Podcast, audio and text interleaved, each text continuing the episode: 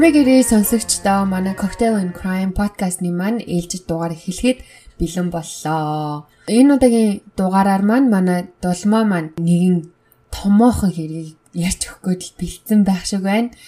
Эпизод эхлэхээс өмнө хилдэг юмаа хэлээд анхааруулчихъя. Манай подкаст маань насан туршидтэй зориулсан бөгөөд жирэмсэн эхүүд болон юмнаас амархан айдаг хүмүүс, зүүдэлдэг хүмүүс байвал өөрөө өөртөө араадаач сонсоорой гэж. За тэгээ бит хоёр янз бүрийн архит арс болон гимт хэрийг сурчлах гээгүй бүгдээрээ мэдээллийн шинж чанартай учраас бүгдээрээ тухлан сууж таалан соёрох нуу. За долмоо. Йоо, өнөөдрийн коктейл гэхдээ арай гоё үгүй юу? Царай юм. Ямар ч гоё өнгөнөөттэй. Зургийг наваад амар санагдаад ах юм. Харин тий амар гоё харагдаад уухаас чайрлаад ах юм ч дөө. Энэ одоо тэгээ давхар давхраар нуух юм болж гинөө. Үгүй ээ, хольж явах, хольж явахгүй бол амтан жоохон онцгүй байна. Гэхдээ ингээ хольсны дараа нэг амар сонь ногоон өнгөтэй болчт юм байли. Oh my gosh. Би арай холихоос зүрхшээ гэл хараал сууж байна. Хоёлаа нэг амар чихэр авчаад сонсогчтой гайхуулж байгаа юм шиг юу хийснээ хэлэхгүй ээжид ямар гоё яриад идэг гинэ. Гүнхээр нэр амар гоё харагдаад байна ч гоё гоё яриад үлдөө. Миний өнөөдрийн сонгож хийсэн коктейл Rainbow Paradise cocktail гэж байгаа.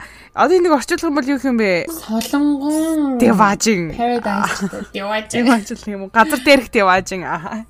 Аа яа яа. Тим нэртэй коктейл байна Хийхэд ер нь бол маш амархан юм байна. Харахад амар ингээ хэцүү харагдаж байгаа ч гэсэндээ хийхэд бол маш амархан юм байна.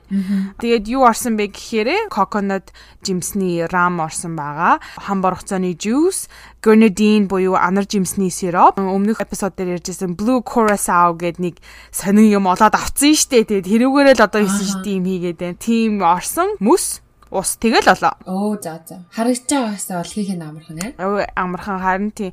Тэгээ нэг онцлог нь болохоор энэ уух юмыг хойлч харин хийдэггүй нэг нэгээр нь ингэж хийдэг. Тийм болохоор өнгө нь ингэж ялгарч гарт юм байлээ. Тэгэхгүй ер нь бол мөс жоо жор тэгэл стакан байхад бол болоо. Заавал ингэж сэгсэр хольт сэгсрэх юм хэрэггүй гэж. Тийм хольт сэгсрэх юм ерөөсөө хэрэггүй. Тийм бүгдээр ингэ яг ээлж дараалаар нь хамгийн гол нь хийх нь чухал. Яагаад гэвэл зарим жорн нөгөө жороосоо илүү хүнд ч юм уу, сироп нар ч жоохон хүнд идэв ш тийм болохоор ингээд дээр доороосоо орж байгаа юм нь л ялгаатай юм байлээ. Аль нь төрүүлж орох вэ? Хамгийн сүүл юу ийх вэ гэдэг нь л ялгаатай. Nice. За энэ удаагийн дугаартаа оръё тийм ээ. Чи хэний тухай ярьж өгч ажиллах вэ? Би ууг нь амар э, сонсогчдийнхаа хэлсэн хүмүүсийн тухай ярий гэл юм хайж ийснаа гинт шал өөр юм лу далигаад орцсон. Яагаад гэвэл маш маш амар сонирхолтой хэрэг юм шиг надад санагдсан байхгүй юу? Энэ хэрэг нь хиний юуны тухай вэ гэхээр Elizabeth Smart гэдэг охинд тохиолдсон явдлын тухай байгаа. Энэ хэрэг нь Utah мужийн Salt Lake хотод 2002 онд болсон байгаа. Edward and Louise Smart гэдэг хос гэр бүлээрээ 6 хүүхэдтэй 8 үл амьдардаг байсан байна. Тэгээд 2002 оны 6 сарын 5-ны орой 9 настай бага охин болох Мэри ээж аавынхаа өрөөнд үүрийн 4 цагт гүйж орж ирсэн гинэ гин. Ээж аавыгаа дуудан сэрээгээд ихчиг миний хүн аваа явчлаа гэд хэлсэн гинэ. Тэгээ тэр айл нь болохоор ингээ хоёр охинтой дөрвөн хүүтэй, хоёр охин нь болох хоёулаа нэг өрөөнд хамттай байдаг байсан юм. Тэгээд үүрийн бараг 4 цаг болж байхад охин нь тэгээд сэрээхэд Эдвард бодохдоо Мэри хар дарж зүудэлсэн юм бах та ямар сонин унтчил байгаа байлгүй дээ гэд. Хайсан миний охин хар дарж зүудэлсэн юм гэсэн чи үгүй аав. Нэг хүн орж ирээ Элизабетыг аваа явцсан гэд. Эдвард гэрээ шалгасан. Тэгээ ингээ хүүгүүдийнхээ өрөөлөө орсон чинь бүгдээрээ байна. Элизабет Мэригийн өрөөнд орсон чинь угаасаа байгаагүй. Хаусныхаа нэг давхарлууд Элизабетийг дуудаад явхад ерөөсөө олтоогүй. Тэгээ өөрийнхөө офис байсан ингээ балгахаа өрөө бүх өрөөг ингээ шалгасан чинь байгаагүй. Тэгээд юу вэ? Би чи өөрөө зүүдлээд байгаа юм бах та гэж ботсон гэж байгаа байхгүй Эдвард. Элизабет хайц юм бол гээд эхнэр нь хоёр давхраасаа бууж ирээд сандраад бүх гэрлээ ингээ хасаагаад үтсэн чинь галтгооных нь цонхных нь торыг ураа хийцэн цонх нь онгорхоо байсан гэж байгаа байхгүй. Эдвард Луис хоёр бүр ингээ сандраад яана эн чин зүуд биш. Марriage зүудлээгүй би ч өөрөө зүудлээгүй. Эн чин бүр жинхэнэ амьдрал болцсон байж тий. Юу вэ? Яасан хийсэн бэ? Oh my gosh. Буу юм болоод цагтаа дууссан Тэгээ цагдаа нар ирж Мэригаас асуусан. Мэри тухайн үед болохоор 9 настай жоохон охин байсан. Элизабет болохоор 14 настай. Мэригаас цагдаа нар мэдүүлэг авахад Мэри хэлэхдээ бит хоёрыг унтж яхад 30-аас 40-од настай манай ах Чарлз шиг өндөртэй ах нь болохоор метр 70 байлээ. Чарльзыг өндөртэй тийм хар үстэй тэг хүн өрөөнд орж ирээд Элизабет руу буу тулгаад аваад явсан. Тэгээ тэр хүнийг би хэлхийг нь сонссон. Элизабетэд хэлэхдээ дуугаа агаараа хэрвээ чамайг дуу гарах юм бол шууд алчий шүү гэж хэлхийг нь Мэри сонс. Тэгээд Мэри өөрөө мэдүүлэгтээ хэлэхдээ тэр эрэгтэй хоолоо маш танил сонсогдсон боловч би хаан сонссноо ерөөсөө санаж чадахгүй байна. Одоо 9 настай охины мэдүүлэг штэ энэ бол. Тэгээд Мэри ингээ болсон юм ярьж байхад нэг цагийн үед тэр эрэгтэй хүн орж иж Элизабетыг авч явсан байгаа аахгүй. Яагаад 4 цаг хүртэл Мэри жавда хэлээгүй бэ гэсэн чинь өрөөнөөс тэр эрэгтэй хүн Элизабетыг аваа гарахад явчлаа гэж бодоод араас нь боссон босоод өрөөнөөсөө гараад коридор руугаа орсон чинь тэр хоёр яваагүй яг зогсож исэн. Тэгээ Мэри 9 настай жоох охин чинь сандраад буцаад орондоо ороод хөвцөн гэж Тэгээ 2 цаг гарам явсан үгийг нь мэдэхгүй хөвцөн гэж байгаа. Тэгээд 2 цагийн дараа үүрийн 4 цаг болж хахад зориг гарган ээж авд хилээд Элизабет охин алга болвоо. За тэгээд Smart-ийн гэр бүлээс цагдаа нар мэдүүлэг авч яхад Эдвардаас чи хүний дургуг төрөхсөн үү? Чамд гим болох чамааг ингээ өвдгий зовоо гэсэн тийм сэтэлтэй хүн байна уу гэхэд тэдний гэр бүлд ямар ч юм хүн байгаагүй санаанд нь хинч орж ирээгүй. Smart-ийн гэр бүл нь Mormon шашинтай. Тэгээд Salt Lake хоттой болохоор бас нилээн том Latter-day Saints гэдэг сүмд бас нилээн одоо нэр хүндтэй хүн болгон мэддэг маш найрсаг гэр бүл байсан юм бэлээ. Тийм байсан болохоор хөршүүд нь ч ихсэнтэй найз нөхдөд нь ч ихсэнтэй бүр гайхаад ямар сони юм бэ? Смартийнхан бол үнэхээр nice хүмүүстэй үнэхээр сайхан сэтгэлтэй үнэхээр илдэг хүмүүс. Тэр хүмүүсийг өвтгөж зовоох тийм ямар ч шалтак баймааргүй юм да гэд өөртөө хүртэл ингээ шижиглэх хүн олж чадахгүй. Найз нөхөд гэр бүл одоо хамаатан садан бүх хүмүүс нь ч гэсэн бүр гайхацсан nice гэр бүлд юу тохиолдох нь энэ вэ гэд. За ингээд мөрдлөг явж эхлэхэд цагдаа нарын хамгийн түрүүнд шижгэлсэн хүн болохоор Richard Risi гэдэг залуу юм бэлээ. Залуу ч юу аах вэ? Ах 40-од насны ах юм бэлээ. Яагаад тэр хүнийг сэжгэлсэн бэ гэхээр Smart-ийн гэрт хурж иж гэр орныг нь янзалдаг нэг жижиг сажиг юм янзалдаг нэг тийм механик ах нар байдэн штэ. Тэр Smart-ийн гэр бүлийн хурж иж хавасыг нь янзалдаг байсан гэж байгаа байхгүй. А тэгээ яагаад энэ Richard-ыг сэжиглэх болсон бэ гэхээр урд нь хар тамхины асуудалд маш олон удаа орж исэн. Хулгайн хэрэгээр бас шоронд орж исэн ах юм бэлээ. Бас амьдралаа нэг өөрчилчихгүй л ингээл нэг хичээж авч байгаа нэг хүмүүс эдэн штэ. Тим ах байсан юм бэлээ энэ Richard. Энэ Richard-ыг Elizabeth-ыг хулгайлчлаа гэд сэжиглээд бариад авч байгаа байхгүй юу? Elizabeth Smart-ийн хэрэг хэвлэл мэдээллээр ингээ маш өргөн тархагдсан. Тэгээ Richard-ыг барьж авахад цагдаа нар шууд хэвлэл мэдээллийн баг хурал хийгээд энэ бол ингээ сэжигтэн мэжигтэн ингээ Richard-ийн зургийг шууд зурагтаар ингээ цатаж эхэлсэн. Цатаж эхэлсний дараа зурагтаар тэр Mary гээд Elizabeth-ийн дүүн харцдаг байхгүй зургийг нь тэр залууг танингуудаа Mary аавда хэлсэн. Ямар сони яагаад ингээ сонин мэдээлэлээр Richard-ийн зургийг цацаад байгаа юм бэ? Richard бишээсэн штэ гэж хэлсэн гэж байгаа аахгүй аавда. Аав нь цагдаа нар залгаад Ричард биш гэж ийна. Наад чинь та нар буруу хүн сэжиглээд байгаа юм биш үү? Өөр хүн биш үү гэсэн чинь цагдаа нарын хэлсэн юм нь танаа охин чинь 9 настай жоохон охин нэгдүгээр хоёрдугаарт царайгийн ч өөрөө харж чадаагүй тэгээ бидтэй. Тийм болохоор танаа охины чи одоо хэлж байгаа мэдүүлгийг хүлээж авах боломжгүй. Яагаад гэвэл Ричард бол хамгийн Элизабетийг авч явсан байх тийм магадлал өндөртэй учраас энэ хүн бол хамгийн түрүүнд одоо сэжигтэн болж байна. Тийм болохоор энэ хүн дээрээ ингээд мөрдлөгөө үргэлжлүүлнэ гэж хэлсэн байгаа. Цагдаа нар нь бүр Richard Richard Richard Richard гэж явцсан. Ричард нь хүртэл ингэ мэдүүлгээ өгж байгаа бичлэгийг ингээ харж агаад бүр ууралцсан бүр өөрөө бүр ингээд стрессцэн тийм ээ би хулгаач би хулгай зэлгийн хийдэг би хар таймыг хэргэлдэг би 9 шидийн юм хийдэг.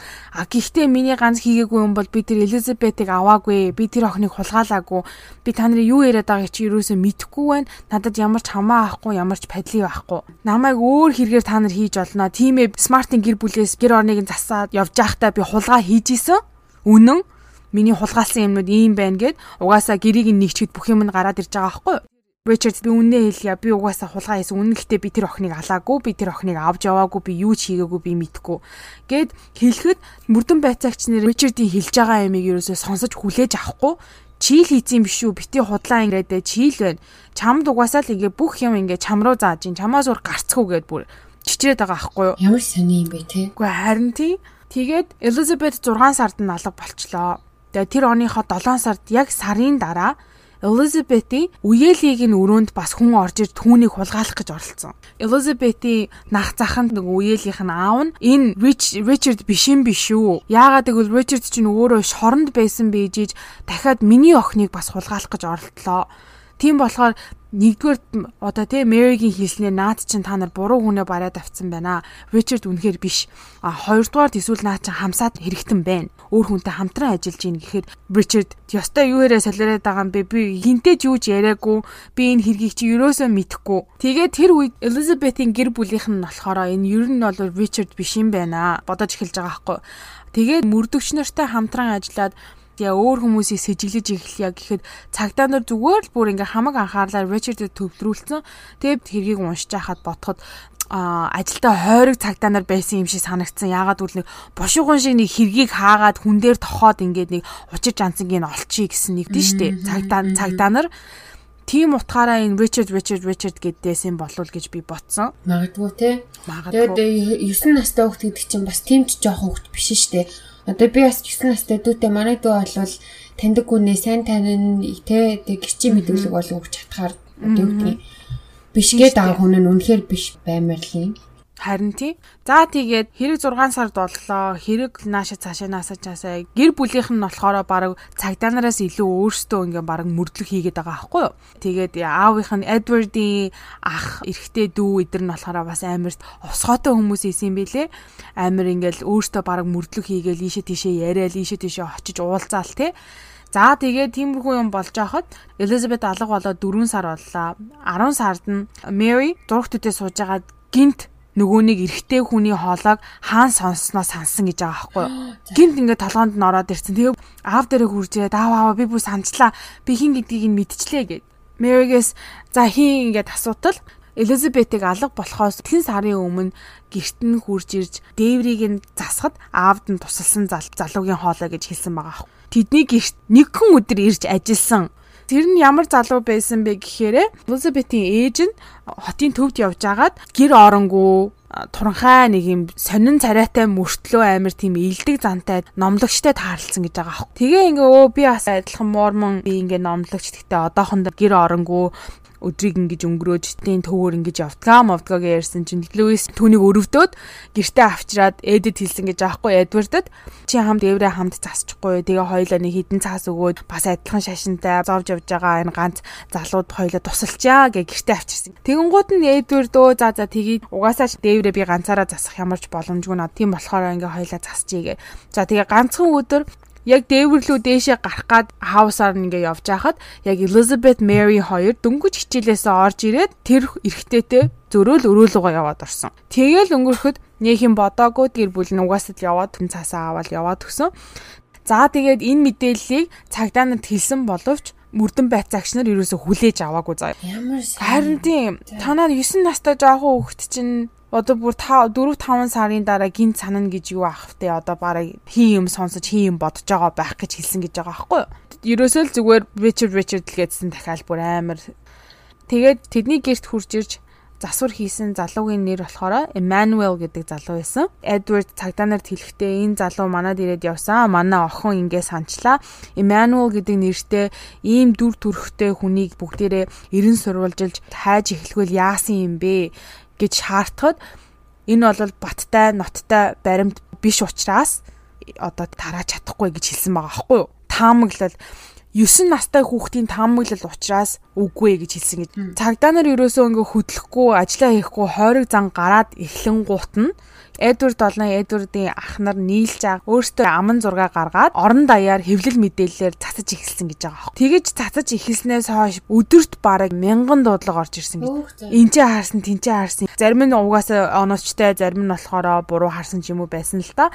Зарим нь бүр Калифорниад хүртэл харж исэн. Юта ч угаасаа Калифорниатай ойрхон штэ. Тэгээ ингээ Калифорниад хүртэл харж исэн, исэн гэдэг мэдүүлэг орж ирсэн гэж. За тэгэж явж байгаа төд хөдөлгөө нэг амар чухал мэдээлэл орж ирсэн. Нэг эмэгтэй залгаад би та нарт хайгаад байгаа залуугийн чинь хэн гэдгийг нь хэлж өгөө. Гэхдээ та нар миний нэрийг нууцлах гэж амал тэгвэл би хэлж өгье гэдгсэн. Тэр эмэгтэй хэлэхдээ та нарын хайгаад байгаа залууг чинь Brian David Mitchell гэдэг нэртэй залуу. Наа залуу чинь миний төрсэн ах гэж хэлсэн гэж байгаа. Тэгээ бүр шоконд ороо юу гинэ танаа ах. Өстэй ихтгэлтэй байна уу? Энд чинь Emmanuel гэдэг залуу штэ гэсэн чинь үгүй би ихтгэлтэй байна.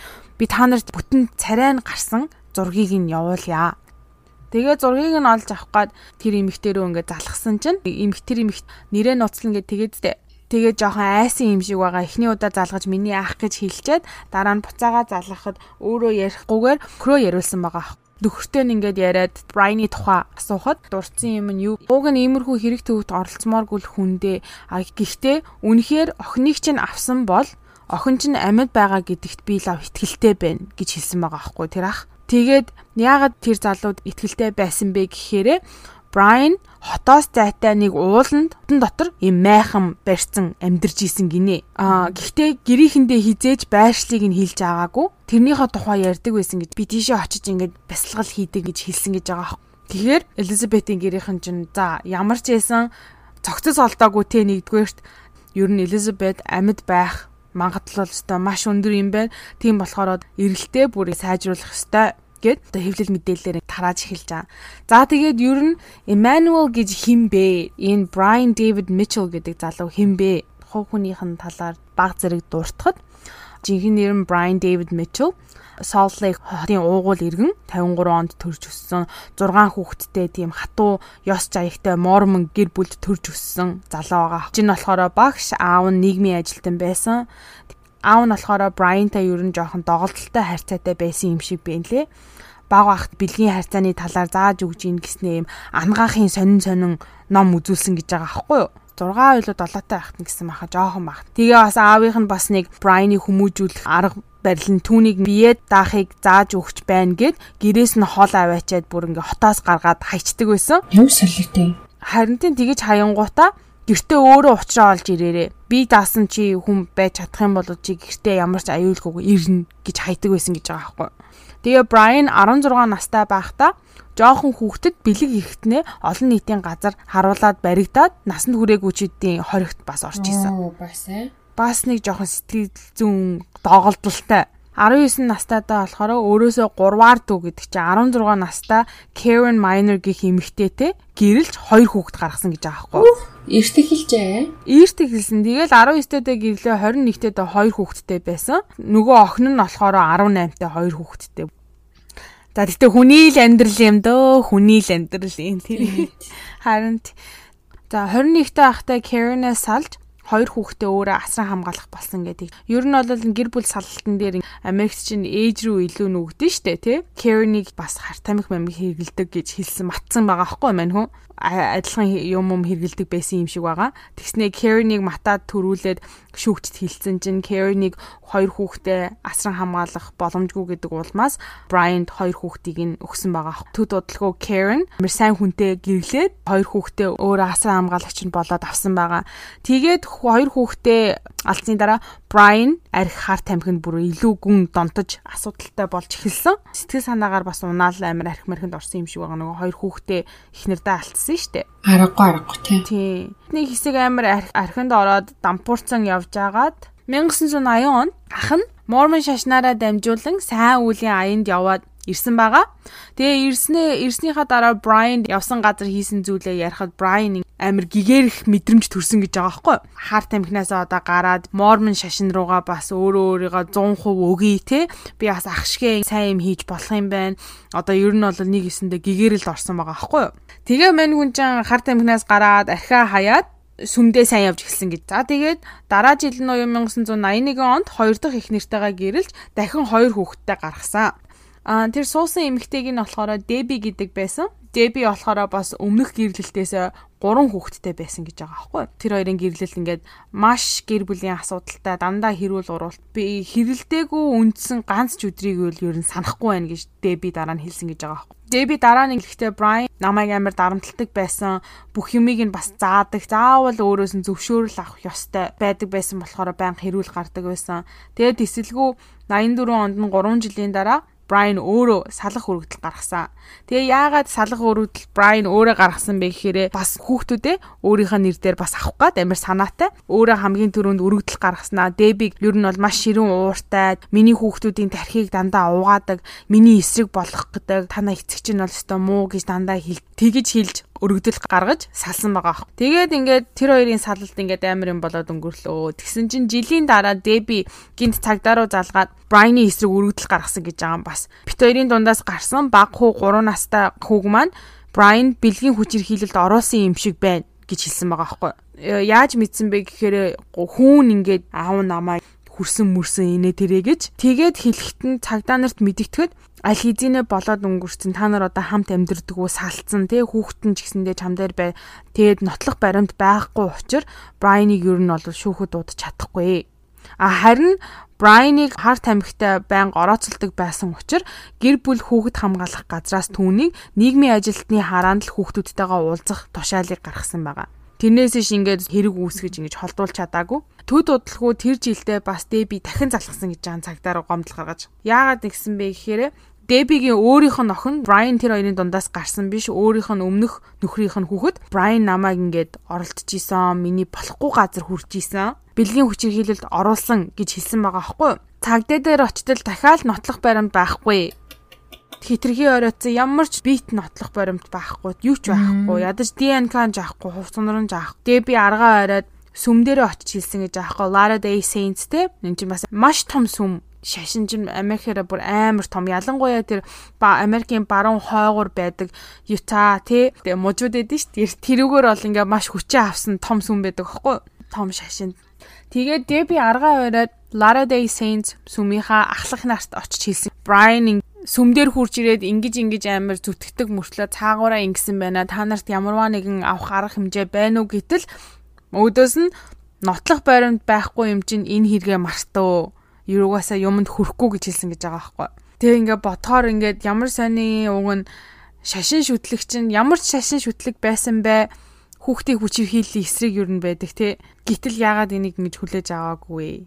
За тэгээд 84 онд Дебигээс салсан өдрөө Брайан Wanda Barzi гих игч эмэгтэйтэй гэрлэлтэд батлуулсан. Юу яриад байгаа юм бэ? Гурав дахь эхнэртэйгээ сууж байгаа байхгүй. Харин тий хоёр дахь эхнэрээс салсан өдрөө очиод гэрлэлтэд батлуулсан гэж байгаа байхгүй. Хаанаас олоод идэв юм хүүхнүүд? Мэдхгүй. Чид сурах юм их байна. Яа. За тэр яах вэ гэснэ. Wanda болохоор 6 хүүхэдтэй эмэгтэй байсан. Тэгээд Вандагийн 6 хүүхэд нь заяо ээжигээ юу гэж хэлсэн гэж ингээ ярилцлага өгч байхад манай ээжд их хүнээс илүү мангас шиг хүн байсан гэж хэлсэн байгаа байхгүй. Тэр нь бол амар хүчээр хийлэгч. Гэхдээ агуу бидрийг ингэж бэлгийн хүчээр хийлэлд оруулж байгаагүй ч гэсэндээ бидрийг маш их сэтгэл санааны дарамтанд оруулдаг байсан, маш их одог байсан, зодож моддог байсан гэж байгаа байхгүй. 6 хүүхэд нь зургуулаа заяа. Брайантэй суухт нь том хүүхдүүд нь нүгэ гараа явцсан. Бүр холбоогоо таслаад явсан гэж Вандагаас. Брайныг нүүж орсноос хойш хүүхдүүд нь хэл дараа нь ингээ мэдүүлэгт хэлэхдээ Брайантай байхад тэр өдөр ирэх тусам зан нь өөрчлөгдөж улам л бүр ингээд би би бүх юм би гэсэн зан гаргах болсон гэж байгаа. Одоо бүхэл юм надаар дамжих хэвээр бүхэл юмыг би шийдэн те. Бараг юу идэж ууж хувц хунар бүх юмыг ингээд захирах гэж оролдож эхэлсэн нэг оройд үүн унтчихсэн чинь Брайан Ванда хоёр сэрээсэн гэж байгаа хгүй шүн болж байхад тэр харахад тэр хоёр хоёлаа хар тамхинд юу нь бол мансуурсан мэт байдалтай байсан. Тэгээд Брайан тэр хүүд хэлэхдээ бид дөнгөж сая тэнгэр элч нартай ярьлаа. Намайг бурхны элч гэж байна. Би одоо ингээд бурхны үлийг хийх ёстой. Би бол бурхны элч. Тэгээд нөгөө хүүн ингээ бүр гайхаад тэгээд төд удалгүй Брайан Ванда хоёр Latter Day Saints гэх Mormon сүмээсээ зайгаа авч өөрсдийн үзэл бодлыг дагах болсон. Яагаад э, өөрсдийнхөө үзэл бодлыг дагаж зайгаа барих болсон бэ гэхээр Брайантай ярьсан тэнгэр элчин түүнд хэлэхдээ чи Salt Lake хотоос явах ёстой. Survivalist буюу чи ам мөрсөн байдлаас чи өөрөө өөрийгөө гаргаж авч чаддаг тийм бие дааж сурсан байх ёстой. Тийм болохоор чи Salt Lake хотоос хол явж чи модонд очиж амьдр гэж хэлсэн байгаа байхгүй юу? Тэгээд Тэрийг нь Wanda Bryan хоёр сонсоод 3 жилийн турш Юта мута Калифорни хаваар тэнүүлчилж амьдэрсэн. Тэгээ 3 жилийн дараа буцаж одоо Salt Lake хот руу ирэхдээ Brian нэрээ Emmanuel David Isaiah гэдэг нэртэй болгоод Emmanuel ингээд өнгө төрхөө хүртэл өөрчилж өөрийгөө Есүс шиг болгосон гэж аахгүй имижээ одоо ингээд бидний мэддэг Есүс яг үнэндээ тийм хүн тийм байсан ч юм уу байгаагүй ч юм уу мэдэхгүй те яг үнэндээ. Гэхдээ ингээд Америкчуудын Есүсийг дүрсэлдэг дүрс нь болохоро өндөр шаар сахалтай урт үстэй тэгээд нэг юм цагаан урт өмсгөл өмссөн байдаг те. Brian Emmanuel болж ирэхдээ яг Есүс шиг болцсон ирсэн гэж байгаа байхгүй. Үсээ ургуулаа, сахлаа ургуулаад ийм тэгээд хин Wanda бас адилхан дагаад цагаан өмсгөл өмсөж тэр хоёр ер нь ингээд Salt Lake хотын хотын гудамжаар явж номлол ишлэл унших болсон гэж байгаа. Өөрсдийгөө бүр яг бурхны ингээд сонгогдсон илчгээ ботцсон тэр одоо уншдаг байсан номлол ишлэл нь болохоор Библиэд уншдаг байсан ч хэрнээ өөрсдийнхөө бас нэг юм шин урсгал шиг юм гаргацсан. Тэрэндээ бүр ингээд өөртөө орцсон. Тэгээ явж хахад одоо манай Elizabeth тохны ерэн сурвалжлага явсаар л байгаа штэ тий хайлт үргэлжилсээр байгаа. Mary Emmanuel-ийн хоолойг санаад дүрс зургийг нь гаргаад бүр бүтэн фото зургийг нь гаргаж ирээд цагдаа нар хүлээж аваагүй хахад Emmanuel-ыг маш олон хүмүүс харсан байгаа аахгүй энэ тэндгүү. Маш олон хүмүүс харах харахтаа заяо. Emmanuel, Wanda тэгээд бас нэг охин хамт явж исэн гэж харсан байгаа аахгүй. Яа нэг Гурван хүн гуруулаа хамт явж исэн. Тэр гуравтай тааралцсан хүмүүс дараа нь ингээд трүүлийг ярилцлага өгөхдөө хоёр эмэгтэй хоёулаа ганц ч үг дуграагүй дандаа эрэхтэй нь өмнөөс нь юм ярьдаг байсан. Бид нэр тэр хоёр эмэгтэйгээс юм асуухад эрэхтэй нь хариулж исэн. Эрэхтэй нь бүх шийдвэрийг гаргаж исэн гэж байгаа байхгүй. Тэгээ ер нь цагдаа нар бол ажлаа дутуу хийгээ тэг мөрдлөг ер нь бол замхраад байгаа байхгүй. Яагаад бас энийг дахин дахин тодотгож хэлж байгаа юм бэ гэхээр хамгийн анх түүнийг хинбэ гэдгийг мэдхэд нэг эмгтэй залгаад наа чи миний ахаа гэж бүр ингээд дүр зургийг нь гаргаад ирэхэд бүр яг хэлж байгаад бүр ингээд өдөр мөдрийг нь ингээд тогтоогоод ярихад заяо яг тэр мөчөд Brian одоо Emmanuel Salt Lake хотын шоронд байсан байгаа байхгүй. За яагаас хаатуулагдсан байсан бэ гэхээр хулгай эргээр 3 хоног саатуулагдсан байсан. Тэгээ цагдаа нар мдээгүй учраа нь Эдвард ингээ хэлж яах чинь энэ хүн авцсан биш үгээ зураг мөргийг ингээ авчиж ирээ хэлж яхад хүлээж аваагүй. Тэгээд хин гэдгийг нь мэдэж чадаагүй 50 явуулсан байгаа. Ямар сонир зөвүү юм бэ? Харин тийм залуучууд пари хийж исэн гэж. Тэгэхэд тэр гурав орж ирсэн гэж хоол асууж орох оронгоо тэтэр чин дандаа гуйлгчилж явдаг байсан шүү дээ энэ дэрүүгээр. Хоолунд асууж орж иж жагаад нөгөө хідэн хүмүүс нь өө халцсан тий. Тэгээ оруулаад ингээд хоёр эмэгтэй ярилцлага өгтөө. Би битээр ингээд тэр хоёр эмэгтэйтэй ингээд яриа өдөх гэж үтсэн. Гэхдээ ерөөсөө ингээд хариулахгүй байсан. Тэр эрэхтэй л өмнөөс нь хариулаад бит хоёр бүр ингээд хоорондоо гайхаад энэ хоёр эмэгт асуудалд орсон юм бах та хоёулаа ямарваа нэг юм хийх үү хоорондоо ярилцсан гэж байгаа байхгүй. Тэгтэл арай ихчмэд эмхтэй бүх юм зүгээр гэж хэлсэн гэж байгаа байхгүй. Тэгэнгუთ аа за за гайгүй юм шиг байна одоо охин нь жоохон ичимхий мичиг байна гэ хайсан гэж аах. За мөрлөг яван явсаар агаад 2003 он болчихж байгаа байхгүй. Цагдаа нар угаасаа гуугаад ажиллаа ихгүй болонгууд нь смартынхын гэр бүл зүгээр мөрлөгийг зүгээр гартаа өөртөө атгаж аваад хамаг юма хийсэн. Тэгэж явсаар агаад тэгэж мөрлөг хийж авч агаад одоо Emmanuel-ийн шин дүр төрхийг хүртэл мэдэж аваад те ийм сахал үстэй ингээд номлогч царайлаад ийм цагаан хүмүүсцэн ингээд явдсан байна. Хөргийг нь энэ тэрүүгээр тарааж эхэлсэн. Тэгээд 2003 оны 3 сарын 12-ны өдөр нэг гэр бүлийн хоёр ингээ улаан гэрлэн дээр тохио хүлээсэн зогсож исэн гэж нөхөртөө хэлсэн гэж аа энэ ямар амар сони юм хүмүүстэй хүмүүс вэ? Гойлоо жоохон ойртод үзье. Зургатаар гарч исэн хүмүүс биш байгаа даа гэд тэр гурвын ингээ алхаж исэн газар урд нь очиод зогссон гэж байхгүй урд нь очиод зогссон чинь нөгөө эрэхтэй яг харц тулгараад харсан чинь эхнэр нь бүр шоконд орсон гэж. Яана юу хараа уцаа өөр нөгөө хүмүүс чинь юм шиг би яг одоо цагтаа дутахгүй болохгүй байна гэж цагтаа дутсан гэж байгаа байхгүй Тэгээ цагдаа дутахад хоёр офицер ирсэн те. Тэр хоёр ирээд гурван хүнийг ингээ саатуулаад та нарын нэрийг хин гэдэг вэ? Хаанаас хаашаа зорж явж байгаа ямар учиртай хүмүүс вэ гэж асуухад Эрэхтэй нь хэлэхдээ миний нэрийг Peter Marshall гэдэг, миний ох энэ охиныг Juliet Marshall гэдэг, энэ эмэгтэйг Augustine Marshall гэдгээ. Тэр хоёр цагдаагийн анзаарсан сонирхол татсан юм нь юу байсан бэ гэхээр Juliet гэдэг охин нь залуу царайтай мөртлөө нарны шил зүүгээд саарл ийм өнгийн парик зүтсэн байсан гэж байгаа байхгүй юу. Яг ингээд өөрийнхөө царайг нууж байгаа юм шиг. Тэгээ цагдаа нар ингээ гайхаа чи хидтэй ингээ асуусан чи 17 настай гэж хэлсэн байгаа байхгүй юу. Тэгээ харахад бол 17 наснаас бүр амар жоохон харагдсан гэж байгаа. Тэгээд бас цагдаа нар нь энэ хоёр ирсэн офицер нь бас амар анхаарал тавьсан байгаа байхгүй. Тэр охиныг ажиглахад маш юм айсан. Хүнтэй харц тулгарч чадахгүй юмнаас имээсэн харагцсан. Тэгээд ингээ нөгөө хоёроос жоохон холдуулж байгаа чи үннээ хэлчих. Чөө чамаа хин гэдэг ингээ тэгсэн чи ингээ хэлэхгүй байсан байхгүй. Хэлэхгүй байж байжсэн аа би чиний тэр бодож байгаа хүн чинь биш гэж цагдаад хэлсэн байгаа байхгүй. Цагдаа тэгээ гайхаад чамайг хин гэж бодож байгааг чи яаж мэдж байгаа Тэ би чамаа хин гэж бодож байгаа чи юу гэж бодож байгаа гэж асуусан байгаа байхгүй. Йоо so hard. Юу гэж бодож байгаа чиг асуусан чинь би Elizabeth Smart чинь биш гэж хэлсэн гэж.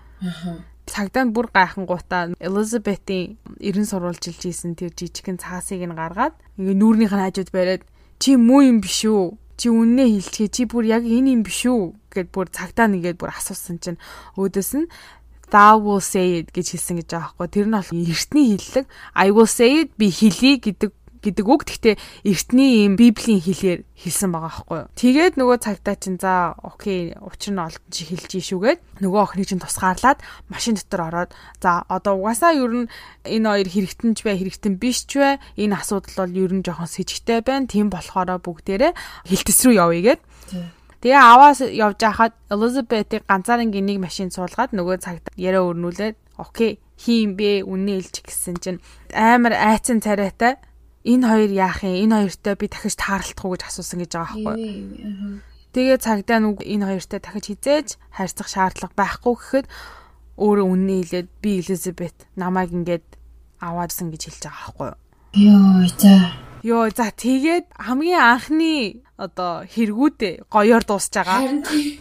Хоёулынх нь ярьж байгаа. За тэгээд Elizabeth-ийг олж авбаа.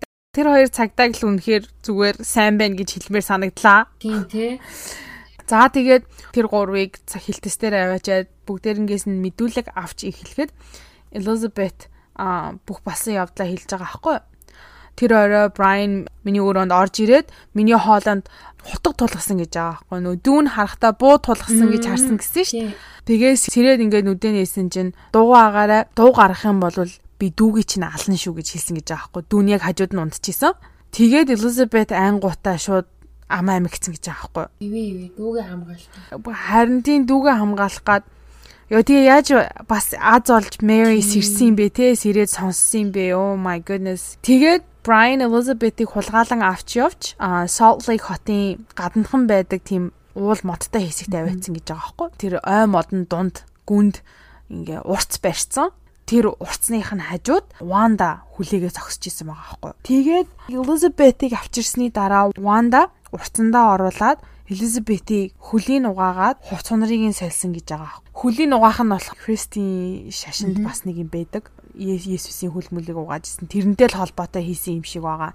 Элизабетийг унтлагынхаа хувцыг тайлаад энийг өмсгээд цагаан өмсгөлөө өгсөн гэж байгаа байхгүй. Тэгээ Элизабет үгүй өмсгүйгээд жоохон ингээд тэрсэлтэгт нь ванда хэлэхтэй. Тэгээд тэгвэл би Брайныг дуутчих шүү. Тэр чиний хувцыг бүр тастаж хайна гэ бодтоо гэж хэлсэн гэж. Тэгээд Элизабет бүр айц хэлсэн бүх хэлсэн бүх юмыг хийгээд Элизабет хувцаа солиод зогсож исэн чинь Брайан төд удалгүй урцанд орж ирээд түүнийг өөрийн ихнэр болгох тийм нэг жижигхэн гэрлэлт батлуулж байгаа юм шиг юм болоо. Ванда ингээ зогссон. Бурхан мурхантай ярьж мараад өөрийн ихнэр болгож авснаа. Одоо би чамтай гэрлэлтэд баттах нь химээ Элизабет охиныг тэр оройноо хүчинсэн байгаа. 14 настай охиныг хүчинсэн байгаа амар муухай. Элизабет 9 сар тэр хоёрын иргэшээлт байсан. Эхний 6 сардаа болохоор тэр урцсан дотроо ингээ модонд хөлийг нь төмөр утсаар орооцсон ийшээ тийшээ гарч чаддгүй байсан. Тэгээд гарч оруулдаггүй ингээд түүнийг ер нь бол байн хүчрхийлдэг өдөрт 3 4 удаа хүчинтдэг байсан гэж байгаа байхгүй өдөр болгон нөгөө Вандад ингээ хараа сууж идэг юм хилдэггүй. Elizabeth-д ингээ том хүний сэтгүүл 9 шидийн зураг үзүүлдэг байсан. Нүдэ анж манад ингээ харахгүй мгуугийн гутанд ингээ хүзүүнээс нь барьж байгаа нүдэ нэхгүй бол би чамайг алын шүү гэж хэлдэг байсан гэж байгаа байхгүй. Elizabeth ингээ өөдөөс нь тэрслээд ноцолтонгууд ноцолтуулахгүй тулд хүчээр арх болон хар тамхи им хэрэглүүлдэг байсан гэж байгаа. Мансууруулаад бүр амар болгоцсон байдаг. Тэгүн гут нь л нөгөө нэг хүчрхийлдэг байлаар Elizabeth-д бас Emmanuel-ийг нэг хэлсэн юм нь болохоор би бол Тэнгэр илч би Antichrist буюу чөтгөрийг зайлуулахаар ирсэн. Бурхан намайг сонгосон. Тэгээ чи бол надад ирэх ёстой олон олон онгон ихнэрүүдийн ихнийхэн гэж хэлсэн гэж байгаа байхгүй. Солиотой юм бэ. Бүр нэг тэний тэнийг юм яриад би одоо тэдэн онгон эмгтэйг авсны дараа бас нэг илч хурж ирж намайг ална. Тэгэж алсны дараа би 3 хоногийн дараа сэрнэ. Тэгээс ирчээд би дэлхий дээр байгаа чөтгөрийг би олж авч алах болно молно гэж мэдрэлдэж ярьсан гэж байгаа байхгүй. Би бүр бүр ингээд нөгөө нэг ёстой нөгөө шашны буруу урсгал. Өөрийгөө бүр хиймлэр бурхан болгоо хийсэн юм штэ. Харин тийм бүр өөрийгөө бурхан гэдэгт итгэдэг тий. Тэгэж 9 сарын турш хүчээр хийсэн байна. Тэгээ ёо бүр ингээ олдцсон. Одоо ингээ Elizabeth маань болох амар мундаг тийм юу мотивацны спикер болсон. Ийшээ тийшээ очиж ярьдаг. Бас ном ном бичсэн. Гурван хүүхэдтэй, аз жаргалтай гэр бүлтэй одоо амьдарч аж төрж байгаа. Яагаад бас энэ хэргийг өөр юм хайжгаад энэ хэргийг сонгохоор болчих воо гэхээр уншсан чинь олон олон ярьсан хэрэгүүдээс те бас яг ганц өөрийнхөө эрх чөлөөг олж аваад одоо аз жаргалтай амьдраад жоохон аз жаргалтай төгсгөл гэх юм уу та? Тийм юм болсон болохоор бас энэ чигээрээ хохирогч болоод дуусчаагүй гэж юу тий тэр чигээрээ хохирогч болоод үхээгүй тий дуусаагүй тийм болохоор бас энэ хэргийг сонгож авч ярий гэж бодсон юм Тийм шүү дээ. Угаасаа нэг ганц ч ихсэн happy ending байхгүй шүү дээ. Харин тийм. Амар гой ном ном бичсэн юм бэлээ. Тэрийг нь бас юу яана оруулна сонирхоорой. За тэгээд хоёр хэрэгтний тухай бүх юм хэрэг тайлагдлаа. Тэгээ мөрдөн дуслаа. Гэр бүл бол үнэхээр бол мундаг байлаа. Ажлаа сайн хийлээ. Цагдаа нар бол зүгээр юу хог Salt Lake хотын цагдаа нар бол хог байлаа. Бүх юм дуусны дараа одоо нөгөө шүүх хурал нэхлээ шүү дээ. За тэгээд шүүх хурал 2002 онд эхлээд 2003 онд 9 сарын дараа олцсон хэрэг штэ. Гэтэл 7 8 жилийн дараа 2010 онд Брайны шүүх хурал албан ёсоор эхэлсэн. Юу ээ, ямар сони? Яагаад гисэн бэ гэхээр Брайныг шүүх хэлэхдээ сэтгэл зүйн үнэлгээ хийлгэх ёстой. Эрүүл биш өөрийгөө тэнгэр ийлж бурхантай ярьдаг, мэрдэг гэж хэлсэн ямар л эрүүл амьтны тэгж хэлэхвтэй угаасаа одоо энэ хүн те албан ёсоо хуулаараа галзуу юу галзуу биш үү гэдгийг нь шийдчихэд шүүх хурал эхлэнэ гэсэн байгаа аахгүй.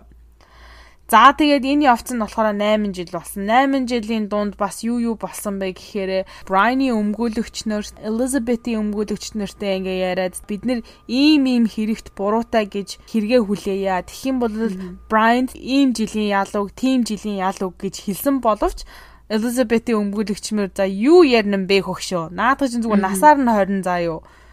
Тэгснээ нэг асуусан юм нь болохоор 15 жил сууй тэгтээ бүчингийн хэрэгт буруугүй гэж гарга гэж нааша цаашаа нааша цаашаа саналыг чинь хүлээж авахгүй саналыг чинь одоо татгалж чинь гэж явсаар хагаад 8 жил болоод 2010 онд за Брайан бол галзуу хүн биш юм аа Наад чи үнэхээр газуу галзуу мэдрэл байсан бол Elizabeth-ийг нүрийг нь нуугаад парик зүүлгээд ингэж явахгүй байсан. Наад чи ухаантай саруул ухаантай хүн байна. Тийм болохоор эрүүл саруул гэдэг утгаараа одоо шүүх хурлыг нь эхлүүлье гэж 10 оны 12 сарын 11-нд түүнийг насаар нь хорих ял оноосон. Тэшгүүдий. Wandaгийн хувьд болохоор 2009 онд нь 15 жилийн хүнд дэглэмтэй хоригт хоригдох ял оноосон. Тэгээд 9 онд орсон гэхээр чи 15 жил гэхээр чи 24 онд судлагдах байсан шүү дээ. Гэвч 2018 оны 9 сарын 11-нд Wandag сулалсан гэж аа. Яагаад ингэ эрт сулалсан бэ гэсэн чинь хэрэг шийдэгдээгүй байхад хоригдож байсан жилийг нь тооцоогүй гэж Wandaгийн өмгөөлөгчнөр хэрэг гаргаад тэр нь ялаад эрт гараад ирсэн гэж байгаа байхгүй 18 онд. 9 жил суучаад. Хөгийн юм би яасан. Тэгэхээр энэ хуулийн жижиг сайжийг нүүх гэж балаа юм байна. Wandaгийн хувьд болохоор registered sex offender буюу бүртгэгдсэн хүчирхийлэлтэй бэлгийн хүчирхийлэгч үзүүлэгч гэдэг нэрийдтэй 5 жилийн тэнцэнтэй шоронгоос гарсан байгаа. За гэвч хамгийн тэнэг санагдсан юм нь юу вэ гэхээр 2018 оны 12 сарын 31-ний өд 2 жилийн өмнөх мэдээллээр юу Wandag Salt Lake хотын бага ангийн сурагчид явдаг сургуулийн хажууд амьдардаг гэж мэдээлсэн. Тэр чинь одоо registered sex offender пэйжиж тэдэн метрийн цаана гэсэн юм байдаг шүү дээ. Тий. Тэгэж мэдгдсэн боловч одоохондоо цагдаа сэргийлхэн ямар ч арга хэмжээ oh аваагүй байна. Тэгээ яг одоо бодохоор тэр хүн бас хүн хүчээр хилээд явж байгаа ч юм уу тий. Яаж мэдхий? 70 эд насны эмээ. Аа. Одоо ч тэгвэл арайч өнгөрсөн л хэлтэй. Гэтэ цаашаа эргүү юмнууд олж аваад тархитлогоо нь болоод инг тэггээ зааварчлаа сууж ивэл яана. Загварсан. Гэтэ яг уу аз жаргалтай бодол бодцгоо тэрний тухай дараа дараа санаа зовё. Яг одоо болохоор зүгээр хиний Элизабетийн тухай яриад бүгдээрээ хэсэгэн аз жаргалтай байж идэх үү? Йоо. Йоо. Одоо ингээ харахаар Элизабет өөрхөө охин гэр бүлтэйгээ амар тотон тий өөрөө ч ихсэн ном бичсэн ээж аав хоёр нь ч ихсэндээ яг хуу ном бас бичсэн юм бэлээ яг хуу охиноо хайж ахта юу юу болсон тухай ингээд детальчилж бичсэн тэгээд яг уу охин охин амьд олдоод тэгээд үлцэн амьдралаа одоо сайхан энгийн үн шиг те сайхан амьдраа явж байгаа нь гоё л юм л та. Гэтэ тэр нөгөө шашны буруу уурсгал өстой ютад байтхаа одоо өстой эн тентгөө балаа авч байгаа хт те. Тэр нэг янз янзын нэг үе үе хаяа хаяа нэг эн тент нөгөө докюментаринууд гардаг штэ те хідэн чихнэртэй ч гинүү тэгээд тэр нь хоор орондоо суудаг ч гинүү үеэл үеэл тэгээ суух хэрэгтэй ч гинүү солиорсон солиорсон юм их байдаг те. Тэгээд Монголд бас нөгөө cult гэдэг утгаараа нөгөө мөн мөн чи нэг хэсэг айгуу дэлгэрээдсэн мэт тий. Хүү харин тэр мөн чин cult мөн бид яа cult байж байгаа. Би л cult гэж боддог. Тэр чин солонгос зүгээр нэг өвгөнд бас энэ балаа юм шиг чи хэвж байгаа л гинт ерөөсөл би бурхан намайг даах хэвээр гэл өөрөө дүрмээ зөхөх бол өөрөө өөрийгөө бурхан дүрмжлээ явцсан. Дээр хойлоо нөгөө ярьж исэн штэ. Өсөн үнтэй хүртэл суулгадаг шашин байдаг гэсэн. Мөн чин тэгдэг штэ яа энэдээ сууж байгаа энэдээ гэрэлж байгаа гэсэн ингээд зургийг тавьсан тэр хамбуг мамбуу ям зүр юм өмссөн ингээд солиотой юм шиг. Тэгээд тэр нь Монголд ороод ирсэн бас нэг хэдийн юм хөөрхөн амтан тавталгаа угаалгацсан юм шиг одоо ари ямар болж байгаа юм бит. Одоо байдсан болоо байдал. Уг нь тэгэл шашин шүтлэг чинь өөр өөр үзэл бодолтой. Гэхдээ ингээ гой явах юм бол шашин шүтлэг гэдгийг чинь би бол гой зүйл гэж би бодд. Өөр ингэсэн ихтгэлтэй байх те өөрөө өөрийнхөө одоо тэр ихтгэлтэй амар гой үнэнч зүтгээд бас хорвоод лхийг гой олох гээд хүмүүсийг бас ингээд зөв чиглүүлчихье гэсэн бодолтой хүмүүс бол үнэхээр гоё штэ та нар би биендээ ойлгодгүй ч гэсэндээ тий. Чингисийн үеэс л монголчуудыг хүртэл эсвэл одоо нэгдэж ирж байгаа отгуудыг хүртэлтэй шүтж байгаа шашныг одоо шүтүүлсэн хэвээр байхыг зөвшөөрдөг штеп. Тэгэхээр угаасаа бид нар бол а одоо юу гэдэг аль өвдөцөөсөө шашны шашныг зүг буруу гэхгүйгээр айгуу тийм одоо хүлээттэй хүлээж авдаг ч гэсэндээ одоо энэ сүүлийн үед ингээд тэр шашинг айгуу хүлээн зөвшөөрдөг те төрөөс ч гэсэн ингээд чөлөөтөө ямар ч хамаагүй шашин шүтгийн зөвшөөрдгийг одоо далимдуулаад янз бүрийн балиар балиар юмнууд хүмүүсийн тархилгааг угаагаад хувийн одоо ашиг сонирхлоо балиар гач хүслүүдээ хүртэл хангаа явж штэ. Тэгэхээр дор дороо маш ухаантай сэрэг одоо гэдгийг судалгаагаа сайн хийгээд хэрвээ ойр тойрны хүмүүс чинь те ийм юмд автцсан оо энийг үнэхээр шашин гээд одоо итгэцэн хүн итгэцэн явж өгвөл те тэр найзынхаа мэлмиг нэхийг хичээгээрээ тийм штэ зөв зөв өстой хэцүү юм да. Яг хөө миний ойр дорн дээ Аз улч бурхан минь тийм хүн арай арай байхгүй. Тийм хүн арай одоохондоо танихгүй учраас бас яаж яхаа мэдэхгүй л юм л та. Гэтэ үнэхээр тийм хүн айж ирчих юм байвал ярилцаад үзээрэй гэж яачих юм бэлээ. Нөгөө шашны нь юу ч хилдгийм бэлээ. Нөгөөх нь тэгэл өөрөө бүх дөрөм журмаа зохиоцсон хүн чинь за ингээд хэдүүлээ ингэчээ. Тэгээ энэ тухай хинт ч ярьж болохгүй бурхан тийжэлсэн шүү гэж хэлсэн баха тэр хүмүүс юу ч ярихгүй л байхгүй тий. Тэг тэр дотор юу ч болж байгаа. Бас нөгөө хоёлаа YouTube-ийн сэтгэгдлүүд дээр илүү нөгөө сатанизм буюу бас нөгөө Luciferism энтрийг хальт урдаад өнгөрсөн чинь тэр тухай дэлгэрүүлж яриач гэж санал хүсэлтүүд ирсэн байсан. Тэгээ одоохондоо бол бит хоёр тэр тухайн нэг тэгээ шашин машин гэж ярих хүсэл ч юм уу төлөвлөгөөч байхгүй л байгаа л да тий. Э, одоогоор зүгээр энэ хэрэг нөгөө юу лээ анхныхаа эхлүүлсэн юмаа хийгээд явжий. Тэгээд явандаа яг хөө тиймэрхүү танин мэдхүү үнэхээр одоо хүсэж ивэл бит хоёр өөрсдийнхөө хэмжээнд судлаад ярьж өгч болно. Гэхдээ удахгүй гарна гэж бол худлаа хэлэхгүй. Хэлээгээрээ. Яг нөгөө нэг хэлж байгаа ямиг нь бол сонсож байгаа. Гэхдээ бит хоёр чинь бас хоёулаа ер нь бол хоёр талд завгүй завгүй хүмүүс шүү дээ. Одоо энэ 7 хоногийнхаа ганц эмийг хийх гэж бас хөөхөн толгоогоо шаанаа. Энд чи гिचүү. Нэрээ. Тэгээ тийм болохоор та нартай хайртай та нарыгаа ингээд хүссэн юмыг нь хийгээд өгмөөр бүр өдөр дугаар гаргаад те бүх юмыг чинь яриа тэр чигээр нь хиймээр санагдавч үнэхээр хүний л амьдрал юм да Ястаа болохгүй байна.